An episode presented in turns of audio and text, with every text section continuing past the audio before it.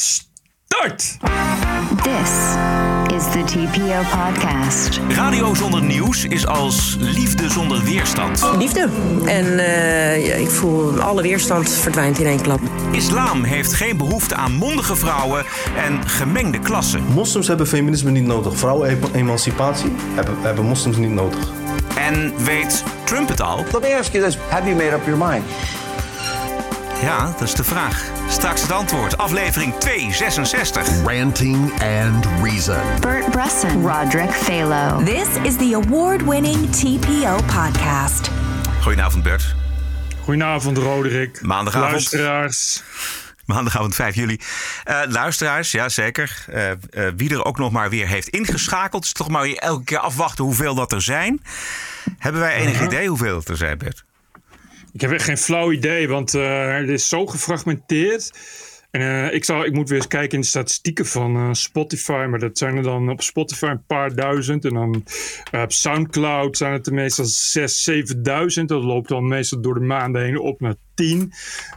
En dan op, op, ehm, op YouTube heb je ook altijd een paar duizend. De laatste is alweer bijna 5000 keer bekeken. Kijk. Dus dat wisselt heel erg.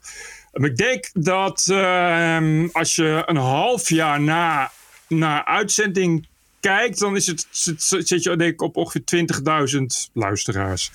Dat zijn dan in elk geval eh, eh, mensen die langer dan eh, drie seconden hebben geluisterd. Dus, dus dat is hoe het gemeten wordt. Ja, ja. Maar mensen die meestal drie seconden luisteren, die luisteren volgens mij de hele podcast wel.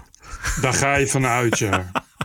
Zie je, ik kan wel in de Spotify-statistieken zie je wel dat, dat inderdaad eh, een gedeelte haakt af. Maar, dan, je, ja, eh, maar dat is eh, altijd zo natuurlijk. Alles wat langer dan drie minuten duurt. Maar je- dat is natuurlijk hoe iedereen het berekent. Het is voor de liefhebbers. En wij doen het voor jullie. Vanmiddag Zo.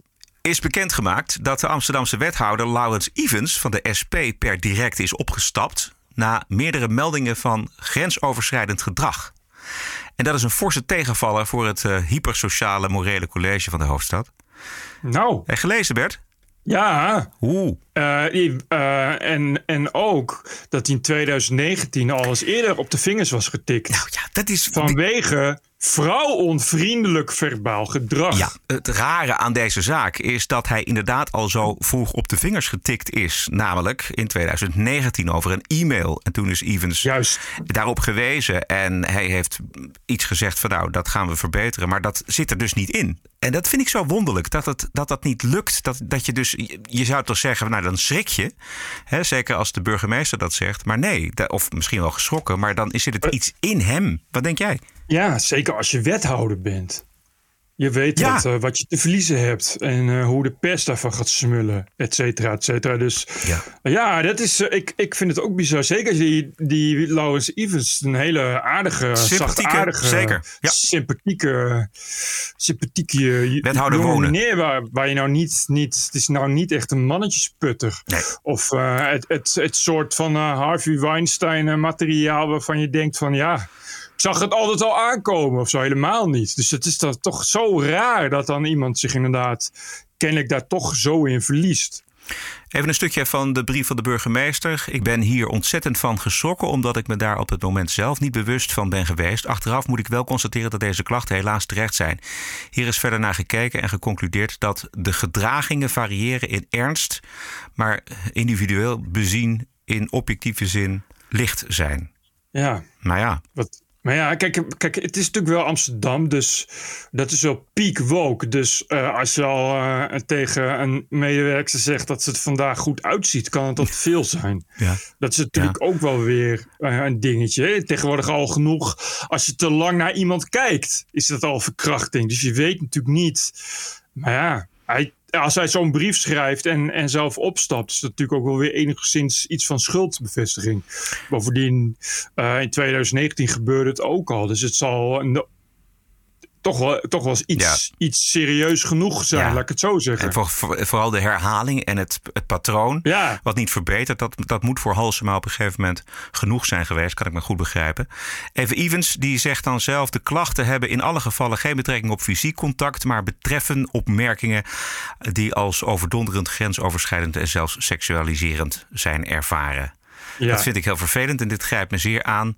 Ik bied hiervoor mijn, de betrokken medewerkers mijn oprechte verontschuldigingen aan. En leg mijn functie neer. Ja, vooral per e-mail eh, blijkt. Ja. Hoorde ik ook van mijn bronnen. Oh ja. Dus het, dus, dus het is inderdaad verbaal. En dan misschien dat. eh, ehm, ja, e-mail is natuurlijk iets waar je, waar je ontremmender mee omgaat. Nou ja, het hangt ook een beetje. Kijk, Maar ja, als je een beetje, weet ik veel, als je aan het eind van een, van een harde werkdag een eh, slokje op hebt. en je hebt de hele dag misschien met iemand gewerkt die het misschien toch wel leuk vindt. Maar ja, Jezus, het is, er is toch eigenlijk heden ten dagen geen excuus meer voor te bedenken. Eigenlijk, toch? nee, Zeker ja, als dus je die niet als- waarschuwing hebt gehad, dan, dan, dan, Ja. heb je, dan, dan heb je toch de handrem aan. En niet als je wethouder bent in Amsterdam. Nee. Weet je, de, je, je weet dat je onder een vergrootglas ligt. Ja. Dus, dus ja, je bent wethouder. Je kan dan niet met, als wethouder weet je dat je met helemaal niks wegkomt. Dus ook niet met een vage beschuldiging. Ja, dan, dan, moet, je, dan moet je dus eh, eh, altijd eh, trachten zo, zo zuiver mogelijk te zijn. Helemaal in, in, in de e-mail. Wat, wat, een, wat een klap voor je carrière ook. Wat, zinloos. Ja, nou ja, ik ben benieuwd wat er hierna komt. Hij zal nu wel worden gecanceld en zo. Het is dus Amsterdam, nogmaals. Ja. Dus de, de MeToo-dramtrein zal wel op stoom komen binnenkort. Die eh, slachtoffers zullen dan wel eh, anoniem in NRC en Volkskrant komen te staan. Ja. Onder, onder de vermelding van een voormalig Amsterdams wethouder. We zeggen niet wie het is. Nee. Uit privacyoverwegingen. Ja, ja, precies, die, beetje, beetje, beetje dat. Ja. Eh, dus ik wens hem eh, heel veel succes met de rechtsstaat... die dan ineens toch niet meer zo heel goed blijkt te functioneren eh, in de toekomst. Evans was van wonen, huizen bouwen dus. lukte nog niet Ja. erg in Amsterdam. En iemand die te popelen staat om hem op te volgen... is D66-voorman Reinier van Danzig. Eh, Die zei namelijk in mei van dit jaar tegenover AT5 het volgende. Kijk, ik moet heel eerlijk zijn. Laurens Evans, het is, eh, ik mag hem graag hoor. Maar als wethouder grosseert hij natuurlijk iets meer in eh, persberichten sturen dan paden de grond inslaan. En dat is jammer. U Eigenlijk zegt door- dat u het beter kan dan Evans. Ik eh, denk in ieder geval dat ik het sneller kan. Het is het ook over. Boer. Ja, dus Kijk, hij is zo als, grof, nou, jongen. als ze nou bij Van Danzig dit soort dingen hadden gezegd... had ik gezegd, nou, dat begrijp ik voorkomen. Dan had ik daar altijd al achter gezocht. Dat vind ik nou typisch iets voor Van Danzig, maar eh, bij Evans dan weer niet. Nee. Goed, zo gaat dat dan, hè? Ja. Eh, van Danzig komt trouwens niet in aanmerking, althans niet in dit college. Want het is, eh Evans is natuurlijk van de SP en er zal een SP'er voor terug moeten. En, ja, toch? ja, dat denk ik wel. Ik bedoel, zeker. Ik weet niet hoe dat werkt, maar nou, je, dat, dat zijn de afspraken sowieso natuurlijk. wordt Ja, de opvolging automatisch natuurlijk gewoon een SP'er dan. Kijk, tenzij de, tij- tijdelijk. precies, tenzij de bewindsvoerders of de bewindsmensen eh, op zijn, zoals bij het kabinet, dan eh, wil er nog wel eens een uitruil plaatsvinden. Maar in Amsterdam is dat volgens mij nog niet het geval. Maar je weet maar nooit. Nee. Misschien dat eh, Van Dant zich de, de post overneemt. Hij kandideerde zich in ieder geval afgelopen mei. Evans, die is al sinds 2014 wethouder ook. ja. Dus dat is wel eh, toch wel, eh, ja, weet je, dit- een lange carrière. Nog een lange carrière te gaan ook. Zo oud is hij nog niet. Nee. Ja, dat is een eh, heel nare smet op je blazoen. Kut. Waar je zeker in deze tijd nooit meer van afkomt. Nee, Want nu krijg je weer, dat is net als bij, hoe heet die, die de hoofdredacteur was van de New York Times Review, New York Review of Books. oh ja, die Nederlander. Ja, die, nee, precies. Ja. Die dan van dat soort dingen werd beschuldigd. En vervolgens wordt op Twitter alle artikelen opnieuw doorgelezen. En dan zien ze in elke alinea wel iets wat erop wijst dat het een vrouwenhater was. Weet je, Ja. dat soort shit krijg je dan. Ja, bij hem was het trouwens dat hij een stuk had geplaatst van iemand die eh, v- van MeToo werd eh, beschuldigd. Precies. En dat werd En hem dan dan- kwalijk genomen. Precies, en dan, dan, dan, en dan stap je dus op. Omdat je denkt van, van ja, het enige wat ik heb gedaan is een stuk doorlaten. Wat toch een beetje het idee is als hoofdredacteur. Eh, maar goed, en dan eh, word, je, word je daarna word je pas echt kapot gemaakt. Ja. Ian Buruma. Ja, Burema, ja. Ik heb nog wel een paar andere onderwerpen. ja. The award winning TPO podcast. Namelijk een nieuw te bouwen islamitische middelbare school in Beverwijk Heemskerk. Die wil jongens en meisjes scheiden. En daarvoor worden twee argumenten aangevoerd. Jongens presteren slechter dan meisjes. En daarom is het beter om jongens van meisjes te scheiden. Maar de tweede reden is de echte reden. Namelijk gescheiden onderwijs past beter binnen de islam. En dit zegt allemaal de initiatiefnemer van deze nieuwe school. En dat is islamdocent Enes Ulusoy. En die kennen we nog wel van een recent interview zeggen. met uh, treitervlogger Ismail uh, Idgun. In dat interview zegt hij onder meer het volgende. Dan krijgen we een klein beetje beeld wat die meisjes allemaal aan onderwijs krijgen. Moslims hebben feminisme niet nodig. Vrouwenemancipatie hebben, hebben moslims niet nodig. Dat, daarom is er, feminisme ook typisch uh, Europees.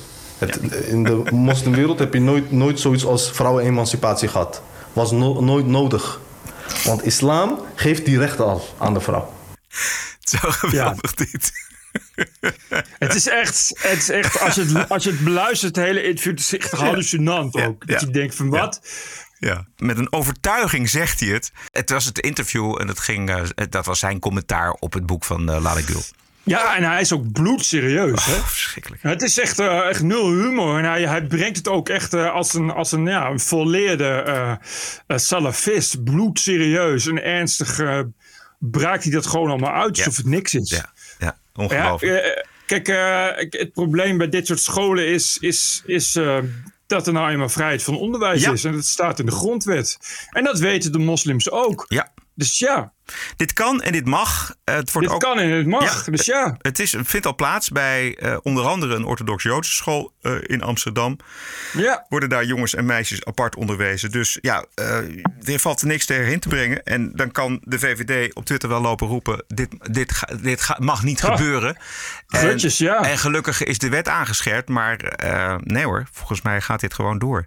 Als dat, is, wil. dat kon wel eens een groot probleem worden. Want dat, kan, dat is het mooie, hè? iedereen is daar tegen. Ja, dit is, uh, dit is uh, wat ooit zo besloten is om in de grondwet te duwen. Omdat, uh, omdat er te veel christenen waren in Nederland die hun eigen onderwijs wilden. Ja. en daar hebben we nooit verder iets, iets over bedacht. Want de grondwet is heilig. Ook al kun je daar heus veranderingen aanbrengen. Het duurt een tijdje, maar dan moet je dat wel willen doen. En nu is ineens continu huilie huilie. Want de moslims willen hun eigen scholen. Waar ze de meest, meest sneuwe dingen doen. Inderdaad. Maar ja, dat is vrijheid van godsdienst. Dat vonden we toch zo belangrijk. Ja. Dat we het zelfs hebben doorgefietst in het onderwijs. Dat ja. vrijheid van godsdienst betekende ook automatisch vrijheid van onderwijs. Want stel je voor dat onze christelijke kindertjes worden vergiftigd op, op openbare scholen en te maken krijgen met de wereld. Dat moeten ja. we niet willen. Met, oh, laten we het snel in de grondwet zetten. Ja, precies. Nou, dat hebben, dat hebben de moslims wederom. Dat is precies hoe de islam uh, islamiseert. Die maken daar dankbaar gebruik van. Want die weten precies hoe ze gebruik moeten maken van uh, uh, de vrije westerse democratie en wat de valkuilen daarvan zijn. Ja. Dus stampen ze als een dolle al die scholen uit de grond en ja. krijgen we dit soort shit. Ja. Hij moet er nog wel uh, komen, die school. Maar hij is daar zeer stellig in. Ook zo stellig als hij ook in andere zaken is. Laten we nog eventjes... hij had nog één dingetje. Dat vond ik, ja, het is, het is bijna grappig. Het is, als het niet zo serieus was, was het echt grappig. Meisjes in, de, in het gescheiden islamonderwijs... die krijgen niet alleen onderwezen... dat dus feminisme en emancipatie helemaal niet nodig zijn voor vrouwen. Hen wordt ook geleerd dat je uh, de gemeenschap heel veel verdriet doet... en te schande maakt als je een dagje naar het strand gaat. Een vrouw die op het strand ligt... Oké, okay, jij, jij noemt dat vrijheid...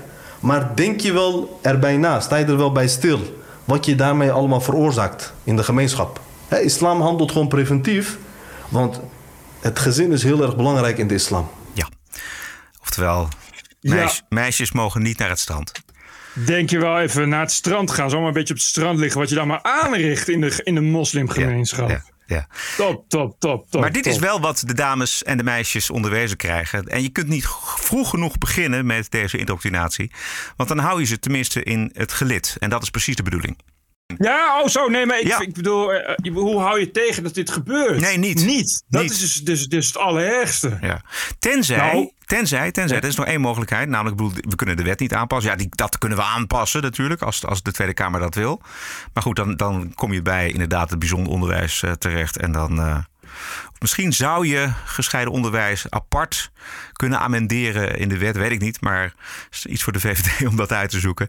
Maar er is nog een andere mogelijkheid, namelijk dat progressief Nederland samen met de genderneutrale beweging in Nederland hier wel tegen in opstand komt. Want ja, jongens en meisjes scheiden alsof er überhaupt maar twee genders zijn. Dat, dat... Ah, ah. Ik hoor het geluid van de SJW-massa's die nu al op het eh, Museumplein staan om te protesteren tegen deze vreselijke manier van ongelijkheid. Ja. Heel goed, heel goed, heel goed, dames. Eindelijk dat jullie ook eens wakker worden. Dat jullie echt eindelijk eens iets gaan doen tegen, tegen echt de middeleeuwse vormen van anti-emancipatie en anti-feminisme, zoals binnen het islamitisch onderwijs. Ik neem aan dat uh, mevrouw Kautar van GroenLinks ja.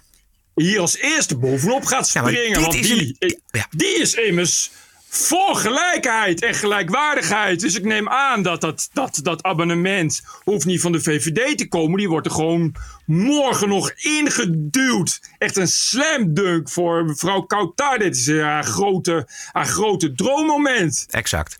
En dan Grotere ongelijkheid dan dit bestaat gewoon niet in Nederland. Dus hop. Ja. Op naar Qatar. En dan vraag ook meteen eventjes hoe het zit met de leerlingen die in transitie zitten. Waar moeten die heen?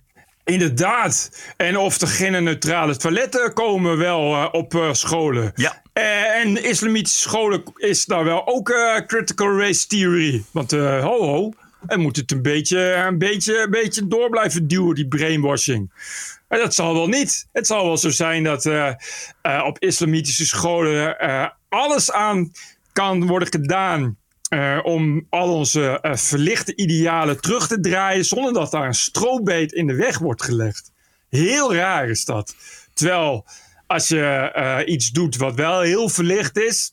en alleen vindt dat het nou ook weer niet helemaal moet worden doorgedraaid. Dan komen de woke-brigades komen, komen je vieren delen. als je dat dan zegt van, oh, ik ben van de islam. Zegt ze, oh, oh nee, dan, dan nee, het is geen enkel probleem. Geen enkel probleem. Ik moet dit nog zien, want dit is wel een aardige uitdaging voor het journaaien en de progressieve gemeente in Nederland. Het journaaien, dat, dat, het journaaien is er ook voorzichtig mee. Weet je, voorzichtiger dan, eh, dan uh, als je bedoel, als je, als je op een school voorstelt, laten we elke maandag beginnen met Staat het Wilhelmus zingen. Wat we ooit in CDA deed.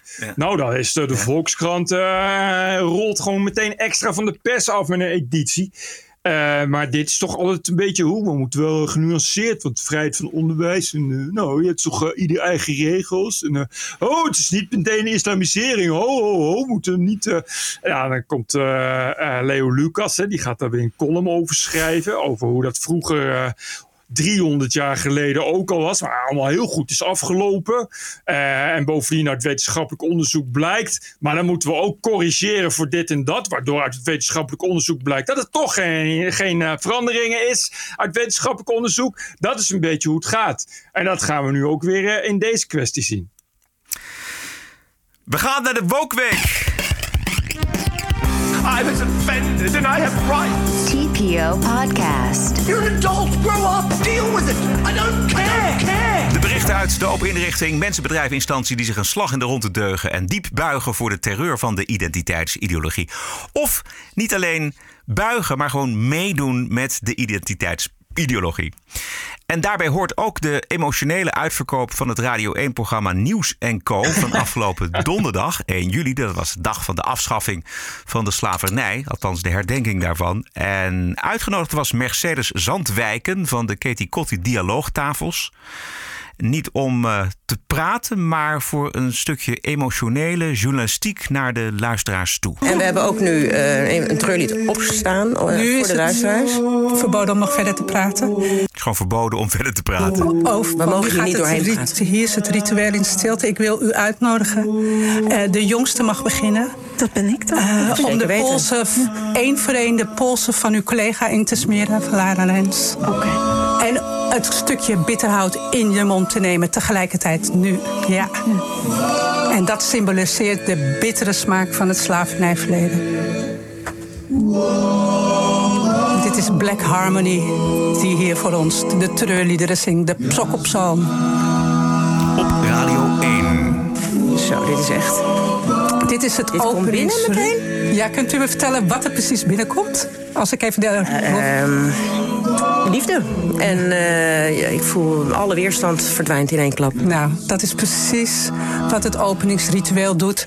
En moet u voorstellen, dan zit je met honderd mensen. Ik zie jou ook. Ik heb tranen. Ja, je wordt hier gewoon emotioneel van. Dat is ongelooflijk. Ja. Voelt goed. Ja, ja.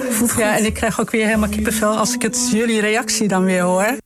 Ach, man, man, man, man, man. Die Lara Rensen, is, die is gewoon niet goed. Ja, die is wel goed, maar die... Die is niet goed. Die, ik snap, die, is- je van de radio dit is- halen. dit dat kan is toch niet? Participating journalism, Bert. Hou op, ze, dit lijkt precies op die, eh, op die eh, Rachel Maddow van MSNBC. Ja, dat zal vast haar idool Dat- dat zijn. vers- Verschrikkelijke gedwel en gejank om niks. Ja, ik vind het vooral storend. Ja, het is, we hebben het hier te maken met twee journalisten. Want er zijn de, twee presentatoren, Lara Rensen en die Natasha Gibbs van de Nieuwsbv. Die zit daar ook. Eh, waarschijnlijk omdat ze Surinaamse ouders heeft. Eh, maar die, ge- die geven zich over aan, ja, noem het maar, emo-radio. Be- eh, Ja. be- bewijzen van participating journalism. Maar daar, daar zit je dan naar te luisteren in de auto. En je luistert naar, ja, je wil, naar nieuw, je wil nieuws horen. En dit, dit is dus iemand die geen vragen stelt, maar meedoet met gevoel over de slavernij. Eh, Ja, maar, ik- maar dit is toch Radio 1, een Ja. nieuwszender? Ja. Ja, ah, nee, ik vind het echt verschrikkelijk dit. Ik vind echt, dit is niet... Dit is leuk op eh, Radio 3 s'nachts of zo. Of eh, we- weet ik veel, Radio 2 desnoods. Eh, in de middag, dit luistert toch alleen eh 50-plussers. Ja, dit is toch een nieuws, nieuwszender. En dan, dan, dit is gewoon een soort. Dit is toch geen eh afstandelijke journalistiek meer. Dit is meer Nee, tegenovergestelde van Precies, daar- afstandelijke journalistiek. Ja, oké, maar goed, we hebben het. Ik bedoel, de nieuwsaanleiding is wel nieuws. Hè? Ik bedoel, dat is 1, 1 juli. Katie Kotti, de eh, eh, herdenking van de afschaffing van de slavernij. Nou, daar, daar kan ik me wel Ja. bij voorstellen dat je, dat, dat je daar aandacht aan besteedt. Maar voer dan een goed gesprek. Maar nee, Ja, ze, Nee, gaat, precies. ze gaat iets beleven. Dus jouw nieuwsanker als luisteraar, die gaat iets meebeleven. Terwijl ze daar eigenlijk vragen over moet stellen. Terwijl ze eigenlijk eh, ja, misschien ook wel kritische vragen moet stellen. Ze moet jou informeren. Ze moet niet meedoen. En het is dan ook nog eens allemaal wazig gelul. Dan moet je op een houtje bijten. Ja. En dan komt de, de Shanti-geest onder eh, Black Harmony. Die komt, dan, eh, komt je dan emotioneel afstand laten nemen van de slavernij of zoiets. Die flikker op zeg. Ga, beschrijf dat dan en stel er dan kritische vragen over. Of beter nog, beschrijf het helemaal niet. Dan haal die mensen niet naar de studio. Maar oké. Maar Radio 1, je kan toch een beetje kritisch afstandelijk radio maken? Ook als je Lara Rensen heet. Dat is dan zo erg met de zalvende gelul. En, eh, en, eh, en, haar, en haar psychiatervriendje Glenn. eh Glenn? Ja. Hoe heet die? Glenn van Bijeen. Het is over, het is over die verschrikkelijke Bijeen radio. Maar daar, het is toch, ik snap niet dat er niet... Dat je, er zit toch een eindredacteur die dan ook zegt... Nou, nou, nou... nou, ja, die zal, ik denk dat waarschijnlijk niet. Ik denk het ook kan niet. ook niemand wat schelen. Het is echt werkelijk. Dit gaat natuurlijk weer enorm veel problemen opleveren bij de zendermanagers en de chef-zendermanagers en eh, de omroep radiozendermanagers, programmeurs die zich moeten verantwoorden bij chef-zendermanagers, radioprogrammeurs eh, per per eh, fusieomroep, maar ook per eh, oude omroep apart en zo. Dat is allemaal heel erg. Dat is de radio, zeker Radio 1 wereld, is heel erg. Dus dat gaat, dat gaat, eh, ja, nee. Maar misschien dat dit wel in goede aarde valt. Want misschien dat Radio 1 wel divers en inclusief wil. Nou ja, dan, dan is dit wel een item wat daaraan voldoet. Nou, dan zit je hier goed. Het nieuws van alle kanten. Dus je, je wil een beetje, een beetje objectief wil je zijn. En dat is al heel moeilijk bij al die programma's van Radio 1. Dus, dus, dus ja. Ja. Ja, ik zou, ik zou, toch, ik zou toch zeggen van... eh goh, Lara. Hè, misschien moet je toch even een keertje... Ga maar even extra op vakantie of zo. en dan laten we Bert, Bert laten we dan de jingles inspreken met het nieuws van alle kanten. Doe dat nog eens. Het nieuw, Radio 1, het nieuws van alle kanten. Ja, verkocht. Ik heb wel eh, vandaag ook Radio 1 geluisterd. Uh, want eh, eh, dat was eh, Sven Kokkelman interviewde Wiebren van Hagen over Oh. zijn nieuwe partij. Ah, leuk. Eh, iemand die daar werkt zei, luister even. Ja. Nou goed, dat was prima radio verder. ik, die Sven Kokkerman maakt natuurlijk verder prima radio. Ja. Maar goed, dat, dat, is dan ook het enige. Dat, want daarvoor zat zo'n zat zo'n programma met Gislaine Plak. Ja. En dat heb ik dan ook een stukje geluisterd. Dat is vreselijk. Ontzettend een truttige quiz met luisteraars, een nieuwsquiz en zo. Het is echt verschrikkelijk. Ja, verschrikkelijk. ja maar dat zijn, dat is, daar leidt de radio heel erg aan, allemaal rubriekjes. Maar zij zelf Vreselijk. is zij wel nee, goed. Ja, ja dat, zij is wel, het is Ja. wel soms enorm deugend. Maar ja, dat, dat is toch een beetje... Maar goed, oh, oh, ja, over, over Wieber en Haga, die... Dat was dan wel weer grappig. Dat bleek al heel snel. Dat die hele partij van hem heeft gewoon nul unique selling point. Ja. Eh, want die, die Sven Kokkerman die las een aantal dingen voor. En toen zei eh, die Wieber, ja, daar ben ik het mee eens. Ja, daar ben ik het mee eens. Oh, daar ben ik het mee eens. En toen zei ja, dit is wat ik net heb voorgelezen. hè, Is het eh, verkiezingsprogramma van jaar 21. Dus waarom ga je niet bij jaar 21? Ja, nou, die, ja, die doen te weinig voor ondernemers, want die hebben geen eh, ondernemers in de partij. Oh, oké, dus je wilt eh, iets voor ondernemers. Ja, eh, wij zijn echt voor ondernemers. Dus VVD, zeg maar. En FVD. Nou, ja, nou ja. Maar dan anders, want ja, dus je, dat je ook meteen weet, dit wordt gewoon weer VNL 2 of 3. Hey, dus Bert, dit is echt treurig. Kwamen er nog sappige details naar buiten over zijn Nee, brouillage? Dat- is wel, daar is hij heel goed in. Omdat heel netjes. eh, want die Sven Kokkerman begon natuurlijk ook van. eh, heb je lekker eh, nog afscheid genomen van Thierry Baudet? En Ja. heeft hij succes gewenst? En die, en die Wim van Hagen die zegt van. Nou ja, nee, ik ben een heel- hele goede voet met Thierry. En heeft mij succes gewenst. En dan gaan we gewoon op goede voet verder. En die Kokkerman heeft ook nog wel gezegd van ja, op een gegeven moment. Eh, van, van ja, wa- wa- wa- waarom eh, ben je daar weggegaan? Ja. En toen zei die van Haga wel van ja, ik, ik, ik vond toch.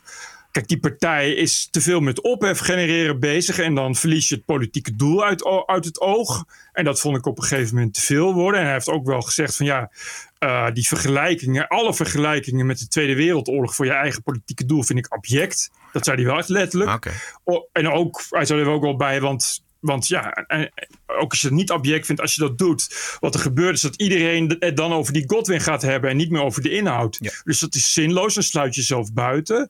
En, en, en die Sven Kokkerman heeft wel nog geprobeerd om te trekken en zei van, nou ja, maar je, je hebt daar toch al die maanden gezeten, dus je weet toch of dat misschien wel, of ze dat wel misschien echt zo vinden. Toch? Je weet toch hoe dat, hoe dat daar is gegaan. En daar eh, deed je toch heel netjes. eh, nee, daar, eh, nee, ik, nee, ik kan me niet herinneren. Dus daar viel helemaal niks. eh. Jammer, Het was, maar ja, Ik ben, ik, ben, ik ben zo benieuwd wanneer dan het breekpunt is. Weet je? Wanneer dan iemand denkt... Nou, Oh ja, ik- ik- precies. Ik, ik blijf erbij tot het moment dat je er... Nee, maar nee, ik kan niet meer. En dan is er iets gebeurd. Die van Hagen is heel politiek correct. Dus, Ja. eh, daar of, of, of, of- Handig. tenminste op die manier heel handig om daar heel politiek correct. En ik, ik zat ook te kijken, want ze, ze hebben gewoon zo'n webcam live. En hij heeft ook gewoon een keurige pokerface en zo. Dus weet je, het was echt, er kwam verder niks uit. Terwijl ik inderdaad ook dacht van misschien is dit het moment dat hij dan inderdaad gaat zeggen... ja, nee, ik was toch wel... eh, hè, dat eh, elke nacht eh, dronk tirades van Baudet. Zo, maar dat zei hij gewoon. Dat was, was inderdaad echt... Nee, ik, ik had toch gewoon... nee, ik vond dat van die wereldoorlog object en zo. Maar verder... enige spannende wat hij zei... want dat vraag ik me af... bij, die, bij die Van Haga... Dat, dat anti-corona gelul, dat geloof je toch zelf allemaal niet? Oh. Dat is een hele, het is verder een hele slimme man, hè? een succesvol ondernemer. eh, Ja. Oud commando, toch ook iemand die, niet iemand die zich snel de pis eh, lauw laat maken. Maar het was toch wel, nee, ik heb me niet laten vaccineren.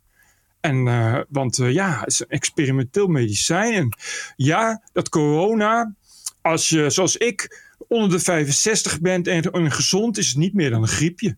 Godsamme man, hoe is het toch Ja, mogelijk ja, man? Ik, ik begrijp dat. Ik begrijp dat gewoon ook echt, echt gewoon met een, met een, echt met een, met een uitgestreken smoelwerk. Gewoon toch, toch weer, toch weer dat. Ja. Weet je, dat je ook denkt, nou, hoe kan je dat nou zeggen?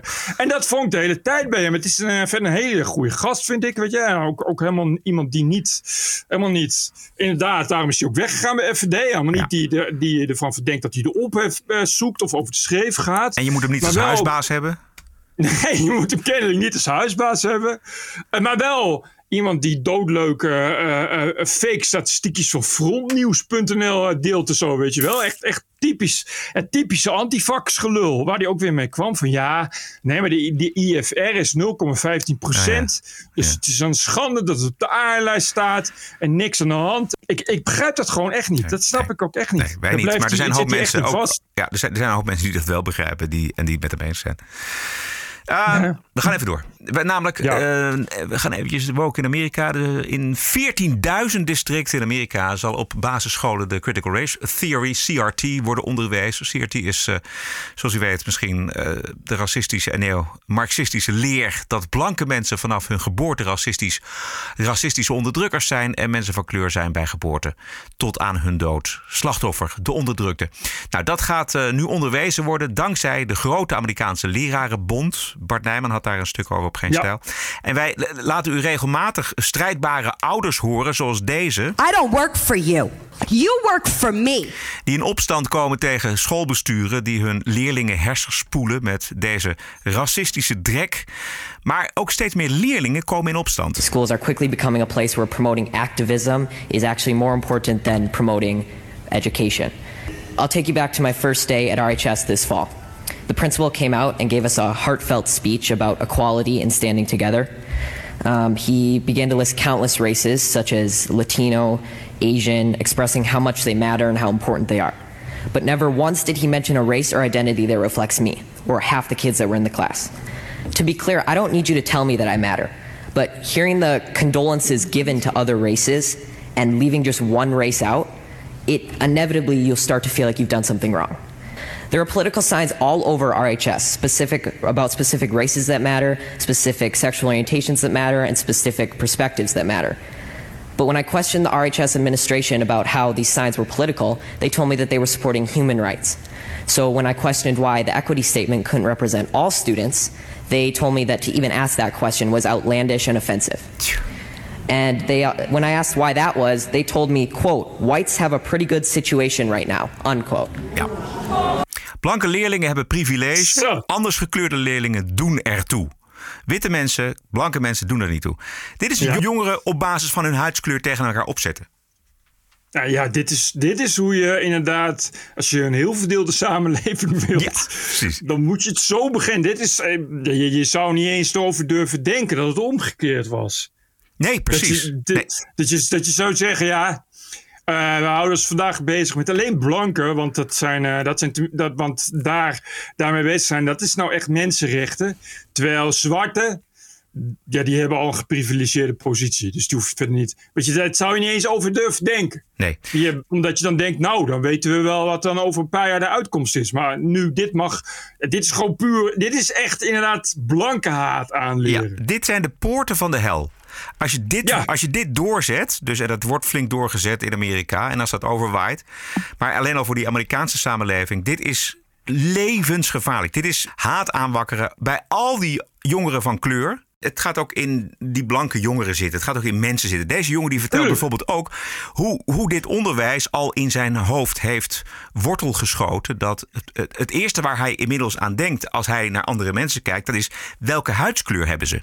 To be honest, after enduring a year of the people in charge telling me that I'm a racist and I'm privileged and pointing out our irreversible differences, I've never noticed race more. And it's becoming the first thing I notice when I meet someone, which has never before been the case. RHS administration confidently told me that RHS students and staff are happy with their equity statement. But from the, ex- my experience in talking with other students, this is not the case. I know many kids who disagree with their teachers, but they're too scared to stand up because they're worried that their grades will be docked and their learning experience will be affected. Ja, dit is precies het effect van die cursussen voor blanke mensen. Het, het zorgt ervoor dat mensen zich heel bewust worden van huidskleur. En ik moet heel eerlijk zeggen, ik merk het aan mijzelf ook. Ik sport eh, in een sportschool in, midden in Amsterdam. En daar kom je natuurlijk mensen van alle kleuren tegen. Het, het vervelende waar ik mijzelf op betrap... is dat ik inderdaad eerst naar hun huidskleur kijk... en dan pas denk aan wat sport hij... of wat, welke, precies. welke gewichten gebruikt hij, et cetera. Welke oefeningen doet hij. En dat is ontzettend vervelend. En dat Ja, komt door, door het debat. En dat komt door dat we met z'n allen die kant op worden geduwd. In nou ja, de, het, het nieuws, in de berichtgeving, in de beeldvorming, in, op het werk. Verschrikkelijk. Nou ja, ik ben het wel met je eens. Ik, ik, ik, en, het, en het gaat dus veel erger worden nog. Want dit, ik, het, het, het, het stuk van Bart Nijman op Geen Stijl ging ook echt over een politiek voorstel om een critical race theory, dus op, op de basisscholen in te voeren. Ja. en dat heeft een reden. En dat is dat hoe jonger de kinderen zijn, hoe, hoe ontvankelijker ze zijn. Ja, precies. Dus dat betekent dat, je, dat, dat die kinderen nog meer worden geïndoctrineerd. En daar, uh, wat je nu ziet, nog helemaal niks is. Nu is dat nog een klein groepje van uh, uh, arrogante blanke studenten die het heel belangrijk vinden om zich heel woke op te stellen. Maar straks is dat een, een, een leidend principe. Ja. Van kinderen die zich niet meer afvragen of het ook anders kan. Want ze zijn daar gewoon mee opgegroeid. Ja. Oeh. ja, het is in, uh, uh, overigens in Nederland niet per se heel minder erg, geloof ik. Nee. Wel, dit, dit, ik las uh, in de, de Volkskrant ja. een artikel afgelopen zaterdag. Ja. wat hilarisch was, want ik had heel erg het idee dat de auteurs eigenlijk iets anders wilden. Namelijk uh, onderuit halen. En dat ja. het allemaal wel meevalt in Nederland. En ja. daarvoor hadden ze uh, nou, een, een, aantal universitair docenten benaderd. En volgens de auteurs, dat wil ik even, even nog uh, citeren. Volgens de auteurs van het Volkskrant-artikel is woke het volgende de ogen geopend voor de vele vormen van sociale onrechtvaardigheid en de bereidheid er iets aan te doen. Dat is, dit is, maar dit is dus continu hoe woke wordt verkocht. Precies, want is, daar is namelijk niemand, kan niemand op tegen zijn. En critical race theory is precies hetzelfde. Dan zeggen ze ja, maar critical race theory is alleen maar uh, uh, binnen de law schools, dus alleen maar binnen de wetsfilosofen, is dat, een, uh, is dat een serieus ding. En wat we op scholen willen is niets anders dan ook gewoon wat aandacht voor het slavernijverleden en wat aandacht voor de zwarte medemens. En ook eens een keer racisme bespreekbaar maken. Weet je, alsof het heel een soort onschuldige, een soort onschuldige ook eens aan wat andere dingen denken is. Alsof het aan andere dingen denken nog niet voldoende wordt doorgeduwd, zou je zeggen. Maar dat is het dus niet. Het is dus niet onschuldig. Want in datzelfde Volkskrant-artikel staat dus ook, want ze gingen dan uh, docenten bellen. Ja, daar staan toch, er werden toch echt dingen uh, gezegd van docenten die uh, ja, zichzelf censureren. Ja. En die, die inderdaad zeggen van, nou ja, uh, even kijken. Oh ja, het, het stond, uh, er ging een uh, voorbeeld van een docent die had een tekstanalyse van Bram Stokers Dracula, het boek ja, Dracula. En dat zou gaan over hoe in Dracula uh, de vrouwen worden neergezet. Vrouwen worden in Dracula neergezet als, als de vrouwelijke vampiers. Als bloeddorstige, te dikke uh, vrouwen die veel te gulzig zijn. Dat is volledig in lijn met het vrouwenbeeld wat die tijd heerste. Uh, en daar wilde hij dan een college over geven. En die kreeg dus een mailtje van iemand. Die zei, ja, dat kan niet. Want dat is misschien wel veel te veel, te veel triggers voor vrouwen die ja, aan zelfbeschadiging doen. Of, of eetstoornissen hebben. Ja. Dus dan moeten er trigger warnings bij. En toen had die docent gezegd van ja, oké, okay, maar wie, wie, wie ben jij dan? Ben jij dan ook iemand die er last van heeft? Nee, hij deed het op eigen initiatief alvast voor ja. misschien wel de vrouwen die bij hem in, in de collegezaal trigger warning zouden krijgen. Ja, dit, is, dit, is, nou, dit is het. Dit is naar de tiran toewerken, is dit. Ik zal nog even wat quotes voorlezen. Want ik had ze op geen stijl gezet, maar dan zal ik ze nog even voorlezen. Want het waren zulke gouden quotes, omdat die quotes gewoon alles zeggen. Dat zijn dan quotes van, van uh, ja, de geraadpleegde docenten. Het ging vooral om, overigens, docent op university colleges. Uh, ja, dat zijn een soort prestigieuze uh, rijke kindertjes uh, scholen die verbonden zijn met universiteiten. Een, een, student wees een docent er een paar jaar geleden op dat ze in haar college alleen de voornaamwoorden hij of zij gebruikt. De student mailde: Je bent dan niet inclusief, want niet iedereen voelt zich aangesproken door hij of zij. Sindsdien spreekt de docent in haar colleges, die altijd in het Engels zijn, van het neutrale them. Ook als dat grammaticaal niet klopt, aldus de docenten. Ze vindt het zelf een hele verbetering, want ik wil dat alle studenten zich gerepresenteerd voelen in mijn colleges. Wat ik ook heel mooi vond, was dat op een gegeven moment was er een, is er een, een man die wordt dan uh, gewezen op het feit dat hij. Uh, even kijken, de literatuurlijst uh, die had hij niet aangepast. En toen ja, is daar ja, over... ik, ik, ik, die heb ik hier. Die heb ik hier. Ja. Uh, de uitkomst was dat de literatuurlijst niet aangepast werd. Mede omdat de tekst dezelfde week op het programma stond. Daar werd geen genoegen mee genomen. Een paar weken later kregen, uh, kregen Zonneveld, dat is de docent en zijn collega's, de resultaten van een enquête die studenten onderling hadden gehouden. Daaruit bleek dat 15 van de 70 studenten vonden dat de tekst niet op de lijst had mogen staan bij dit vak. Toen hebben we ze, de studenten, hebben we een uitnodiging voor een gesprek gestuurd. Netjes. Die uitnodiging is onbeantwoord gebleven. Wel zijn de studenten naar mijn leidinggevende gestapt.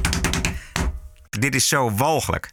Ik heb er nog één, want die is nog belangrijk ook. Uh, het gaat over zelfcensuur. Uh, dit jaar heeft de docenten uh, een Ronnes, mevrouw Ronnes. Uh, het voor, dat ging over Maurits, had ze gebruikt. Maurits. En Maurits is dan omstreden. Maurits is uh, iets van de Gouden Eeuw, zeg maar, die tijd. Mm. De mhm. Maurits. En dat was omstreden, weten we inmiddels, want het was iemand die slaven hield. Dit jaar heeft Ronnes het voorbeeld over Maurits niet gebruikt. Dat is, vindt ze zelf, helemaal geen vorm van zelfcensuur. Want de discussie werd te fel, te fel en te veel gekaapt door de stu studenten die recht tegenover elkaar stonden. Er was te weinig ruimte voor nuance. De, dus je wordt dan als docent gedwongen om zelfcensuur te plegen. Ja. Laten we maar gewoon zelfcensuur noemen. Ook als je het zelf geen zelfcensuur vindt, is het alsnog zelfcensuur. Omdat anders de discussie te fel wordt. Ik bedoel. Ja, het waar, ja. ja. het wordt wel eens gezegd, weet je, wat zijn watjes en uh, het zijn uh, snowflakes. Maar je hebt toch geen enkele inhoud meer als je van de universiteit komt? Je, toch, je, je, je kan toch niks meer? Ja, dat is toch, dat is toch niet normaal? Nee. Dat is toch gewoon terreur dan? Ja. Als je in staat bent om, om, om docenten zelf te laten zelf ja. censureren. Maar dus ook om, om het curriculum aan te passen. Omdat je op voorhand al vindt uh, dat bijvoorbeeld het lezen van, van Dracula te kwetsend is voor mensen. Ja. En, en hij heeft het dan niet aangepast. Maar ja, dan, dan gaan ze dus ook niet meer met je in gesprek. Dan gaan ze klagen bij je leidinggevende. Nou, je moet dan maar als docent daar genoeg tegen kunnen. Want we weten allemaal hoe dat kan aflopen. We ja. hebben toen in, in Canada die ja. Lindsay, dat opgenomen ja. gesprek gehad. Wat er gebeurt als je zomaar wow. op eigen houtje zonder trigger warnings uh, iets, iets doet. Wat misschien wel helemaal niet mag van, uh, van de snowflakes. Gruwelijk. En uh, ik, ik vond het de belangrijkste zin in het artikel is deze. Uh, ik citeer. Studenten lijken er soms op uit om docenten te betrappen op een foute mening, zeggen de academici. En dit is het dus. Dit is, oh, ze willen dus niet. Ze willen dus niet, zoals uh, de auteurs van het Volkskrant artikel beweren, een betere wereld. Nee, ze willen hoe dan ook uh, kunnen zeiken. Ze willen dus gewoon, zoals, precies zoals verwacht, macht en controle. Dat is wat ze Juist, willen. Daar gaat ook daar, over. En da, dat is waar woke over gaat. En dat is het grote probleem. En dan wordt het wel tijd dat we dan ophouden met zeggen: oh, woke, dat is gewoon maar een beetje opkomen voor anderen, voor, min, voor uh, minderheidsgroepen. En uh, eindelijk eens wat activistisch doen om een betere wereld te krijgen. Want dat is niet zo. Het gaat om macht en controle. En uiteindelijk wordt die macht en controle gebruikt voor vernietiging zodat op die vernietiging iets nieuws kan worden gebouwd. En dat iets nieuws is in elk geval niet iets wat jij en ik willen, maar wat die mensen die macht en controle willen uh, hebben, namelijk nog meer macht en controle. Ik kan het niet beter formuleren dan dit. Dus ja, dit is het helemaal. Laten we eindigen de wokweken met. Of hebben eh, je hebt vast ook nog wel nou, ik, ik, heb, ik, heb, uh, ik heb nog heel veel. Maar okay. dat is, uh, het punt is een beetje dat uh, het een beetje groot is. En ik zag het vandaag pas. Iemand stuurde mij door. en dat is wel echt interessant. Maar ik denk dat ik het even meeneem naar vrijdag. Ja, kan. dat is een uitgebreide manual van de NATO. En dat is een uitgebreid verhaal van de NATO Gender Inclusive Language Manual. De NATO heeft dus een handboek ja. waarin uh, uh, wordt verteld hoe je gender-inclusieve taal gebruikt. Godverdomme. Niet en het is, de taal die we gebruiken doet er enorm toe. Dat gelul. Dit is waar, je, waar we mee bezig gaan. En dan voordat je het weet staan de Chinezen en de Russen op de stoep. Dit is dus de NATO. Eindigen we uh, de woke, deze, deze wokweek met nog een iets grappigs. Namelijk, uh, we hebben vrijdag Afgelopen vrijdag hebben we de zalvende woorden van Prins William laten horen. Dat we allemaal onderweg zijn naar een nieuwe menselijkheid. En nou heeft die, een van die zangers van Oasis, Noel Gallagher.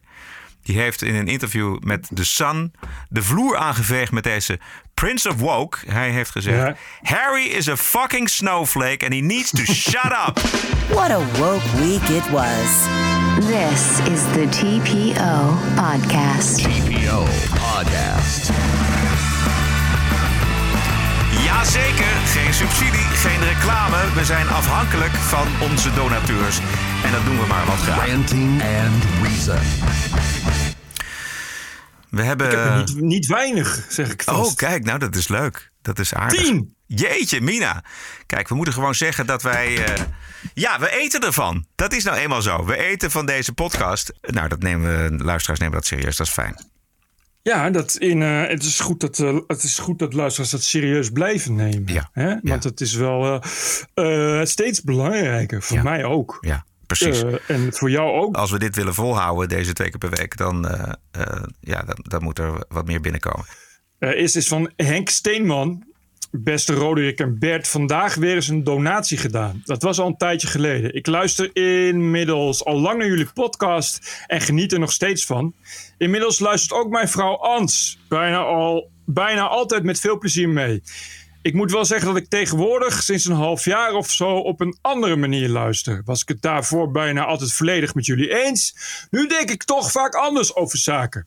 Soms moet ik mezelf dan corrigeren na een toelichting voor jullie, maar soms ook niet. Maar dat is natuurlijk prima en ik hou mezelf hiermee scherp.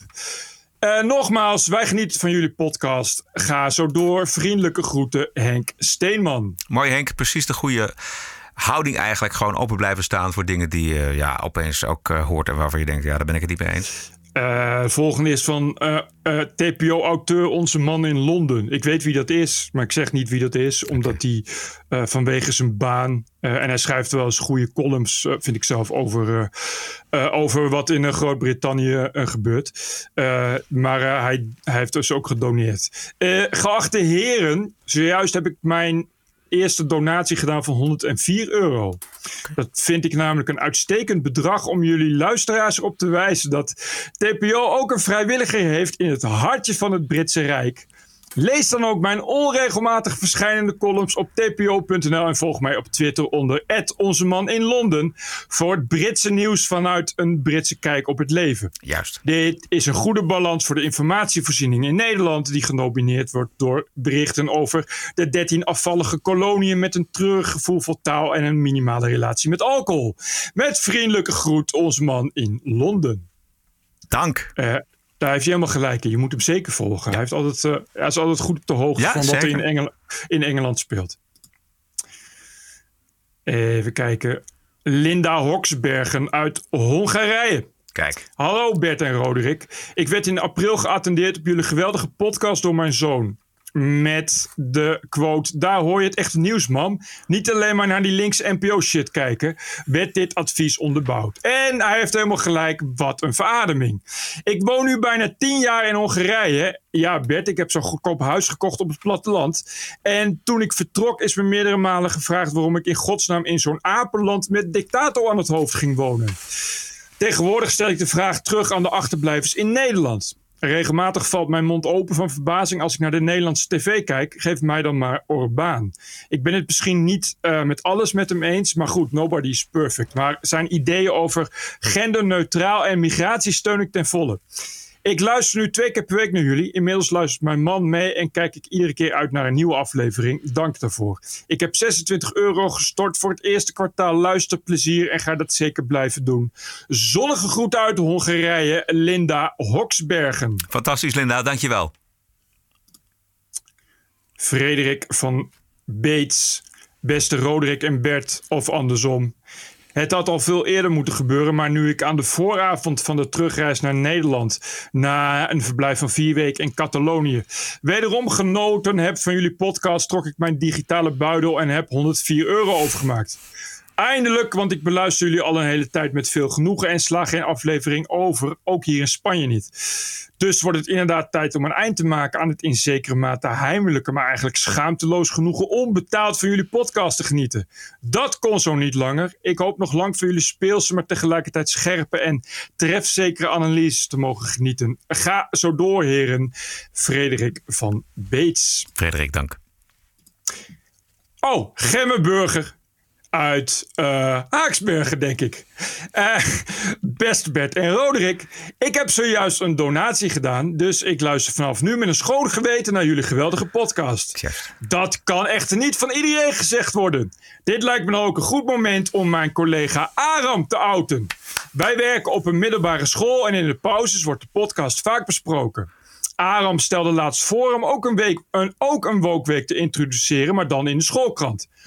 Goed initiatief zou je zeggen. Alleen Aram heeft er mij eerlijk toegegeven dat hij nog nooit een donatie heeft gedaan, maar wel altijd trouw luistert.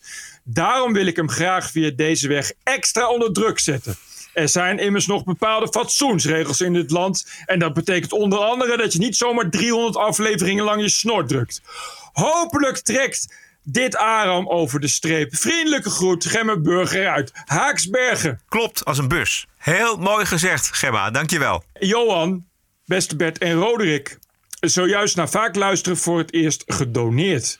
Jullie begrijpen dat dit wel betekent dat jullie nog, alleen nog meningen mogen uiten waar ik het mee eens ben. Want zo werkt dat nu eenmaal. Ook wil ik bij deze mijn maat Rick aansporen om eens te doneren. Want ik weet dat hij elke week luistert, maar ik heb hem nog niet voorbij horen komen bij de donaties. Ga zo door en groetjes van Johan. Rick, je moet betalen. Over de brug komen, Rick. Hup, Rick. Sven Broshuis. Hallo RMB, ik ben al een tijdje luisteraar en inmiddels verslaafd aan de podcast. Ik ben het niet altijd eens met jullie, maar dankzij jullie zie ik de dingen zoals ze zijn. Wanneer je dat beseft, valt het pas op hoe blind iedereen om je heen is. Hiermee mijn tweede donatie voor aflevering 176 tot 265. 2 euro per aflevering maakt 178 euro. Ga zo door en blijf jullie zelf met vriendelijke groet, Sven B. Dankjewel, Sven. We zijn er bijna doorheen, de laatste drie. Goed.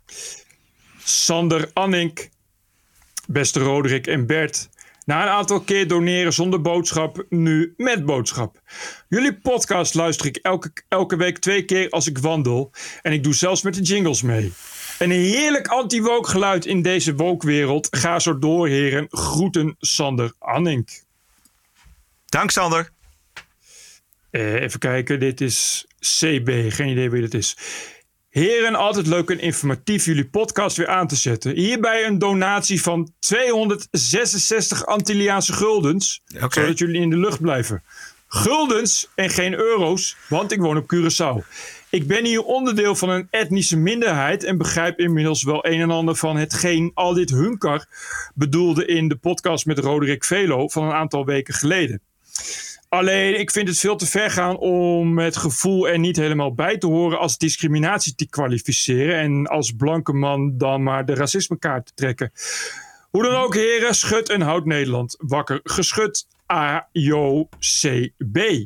Hartelijk dank en eh, de groeten daar op de Nederlandse Antillen. Geweldig. Al, eh, 266 Antilliaanse guldens is 123 euro, zie ik. Mooi. De laatste is voor Rosemarie Bersma Laan. Beste Roderick en Bert, mijn zoon heeft mij geattendeerd op jullie podcast en ik moet zeggen dat ik het een verademing vind om jullie visie op het nieuws te beluisteren. Ik word zelf ook vreselijk moe van al dat woke gedoe en ik ben blij dat ik niet alleen sta. De donatie voor jullie is deze week verstuurd, waarbij ik het vakje voor maandelijkse bijdrage niet per ongeluk heb ingevuld. Met vriendelijke groet, Rosemarie Bersma Laan. Prachtig. Rosemarie, dank je wel. Ik, ik wil nog even eh, iets zeggen over. Eh, we hebben best veel Patreon-donateurs. Ja. Eh, en laatst kreeg ik van iemand kritiek. Die zei van ja, we voelen ons wel een beetje vergeten. Want we Oeh. doneren heel veel, maar we worden nooit genoemd. Eh, en dat is waar. maar Dat heeft een belangrijke reden. Namelijk dat heel veel mensen op Patreon gewoon anoniem willen blijven. Dus die ga ik dan niet allemaal noemen. Vol- Volgens mij is, het, is de oplossing, Bert, dat kijk, iedereen staat vrij om te schrijven. info.tpo.nl Precies. Dus als, Dus je, ook- als je dat fijn vindt om, om even genoemd te worden. wij vinden het leuk om het te- te doen. Wij vinden het leuk om dingen voor te lezen. En wij vinden het leuk om contact te maken. Dus als jij eh, een Patreon-betaler bent, geweldig, super bedankt. Maar je kunt ook van je laten horen. Stuur even een mailtje naar info.tpo.nl en dan lezen we het voor. Ja, exact. Dus je hoeft niet alleen omdat je al, al vanaf het begin elke, elke maand een euro of een dollar overmaakt, dat je niet kan mailen. Weet je, als je zegt van ik wil een keer genoemd worden, dan uh, graag. Ja, hartstikke dus, leuk. Uh, verder, uh, heel veel dank voor alle Patreoners. Volgens mij zijn we nog steeds een van de weinige Nederlanders die op Patreon ook ja. serieus een substantieel bedrag binnenhalen. Waarderen en doneren kan op tpopodcast.nl. Dit is gewoon ons werk. We moeten ervan eten. Dit is de TPO Podcast. Een eigenzinnige kijk op het nieuws en de nieuwsmedia. Twee keer per week, elke dinsdag en elke vrijdag. 100% onafhankelijk. Want zonder reclame en zonder een cent subsidie. The award-winning TPO podcast. Wat is het jou waard? Een euro per aflevering? 104 euro per jaar? Of kies zelf een bedrag. Waardeer en doneer op tpo.nl slash podcast. De TPO Podcast. Wat is het je waard? TPO Podcast. Ladies and gentlemen, the President-elect of the United States.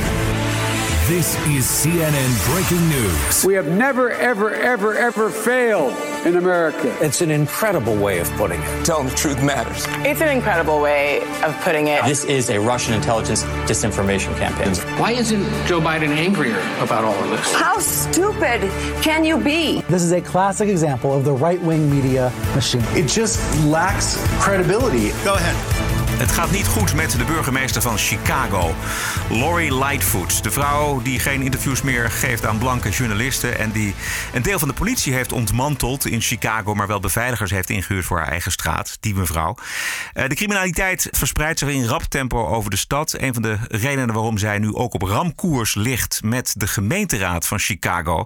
En er was een journalist op een persconferentie van de burgemeester. die daar een vraag over had. Many uh, residents in Chicago feel that you've lost control of the city. Uh, now it appears as though you've lost control of the Chicago City Council. Uh, do you owe an apology to the victims of violent crime, the thousands of unsolved shootings and murders and stabbings and random stabbings in, in the downtown and the south side and the north side and the west side? Do you owe, So- do you owe so- these people any so apology? once- So once again, sir, I, I, I ask you to get your facts right. Um, crime is not out of control in our city. In fact, crime is on the decline. That's a fact, sir. And you, sir, I was polite and allowed you to spew your rhetoric, which is offensive to me and others. But I'm trying to be polite and professional and answer your question. Ongelooflijk. De vraag stellen is offensive. Echt. En, eh, En sowieso, die feiten kloppen niet. Volgens Nee, mij nee, nee, nee, is- nee, nee. Gaat, gaat de criminaliteit gewoon wel omhoog. Ja, heel erg Je kan dan niet zeggen, nee, dat slaat natuurlijk helemaal nergens op. Nee, nee. Maar dit, dit, deze mevrouw is zo, dat is zo'n groot probleem. Ehm, de burgemeester is van een democratische partij, maar ze gedraagt zich volgens een, een politicoloog die dit drama al maanden volgt in Chicago. Zij gedraagt zich als een dictator. The mayor will have to sit down with the city council and actually talk to them instead of dictate to them. Zo, dan moet je ook nog eens een keer gaan praten met je gemeenteraad. Nou, dat is inderdaad al heel bizar. Ja. Ik snap niet, de- want het fragment van net, die man die, die stelde gewoon een vraag. Hoe is Ja. dat offensive Ja, überhaupt? Ja. Maar het was, een, het was een blanke man. En, En eh, zij is zwart? Zij is zelf zwart, ja. Ja, oké. Ja, Dus zij, en zij Nee, had, al- zij had, weet je het wel. Ze had al aangekondigd dat ze niet meer geïnterviewd wilde worden door eh, blanke journalisten. En dit was dan zij geen. dat, ja, ja. dat is zij. En dit is dan niet een interview, was dit, dit was gewoon een persconferentie. En hij wilde dan. Hij, hij kreeg de gelegenheid om een vraag te stellen. Ik heb alleen nog een bonusquote. Hit it. This is the TPO Podcast. Komt ook uit Amerika. We zien Donald Trump steeds vaker in het openbaar. Vorige week de eerste massabijeenkomst met supporters. En zaterdag zat hij bij Fox bij Sean Hannity. Met een, eh, zeg maar, volstrekt aselect publiek. En Hannity probeerde het uiteraard ook, maar via een handige omweg. Let me ask the crowd of everybody here would you like to see the president run again in 2024?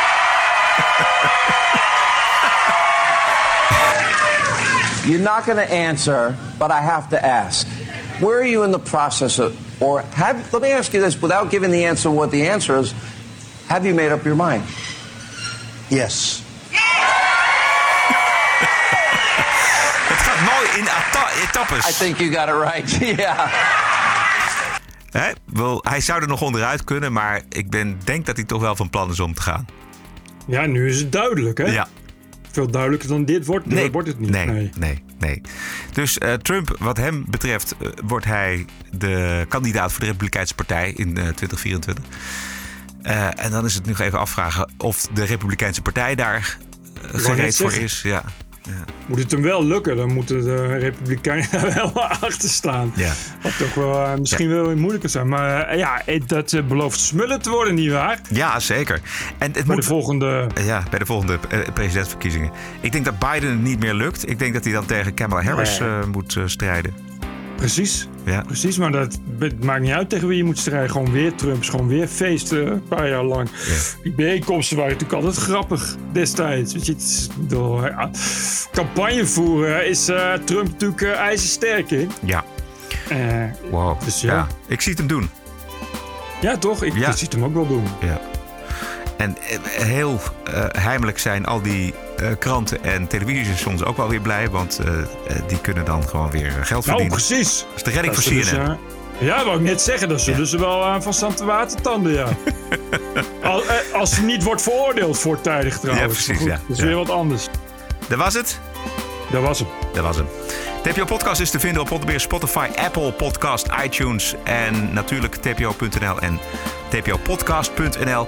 Heel veel dank voor de ondersteuning van aflevering 266. En de post kan naar, ik maar even zeggen, ook speciaal voor onze patrons, donateurs, info at tpo.nl en waarderen kan op tpo.nl slash podcast. We zijn terug 9 juli, dat is een vrijdag. Stay cool en tot TPO Podcast. Bert Bruson, Roderick Balo, ranting and reason.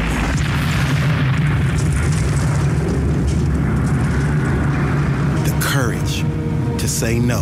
Podcasting is the TPO podcast in the Netherlands. Bert and Roderick. What a show. I'm telling you. Keep the show running. Go to tpo.nl slash podcast. Thank you.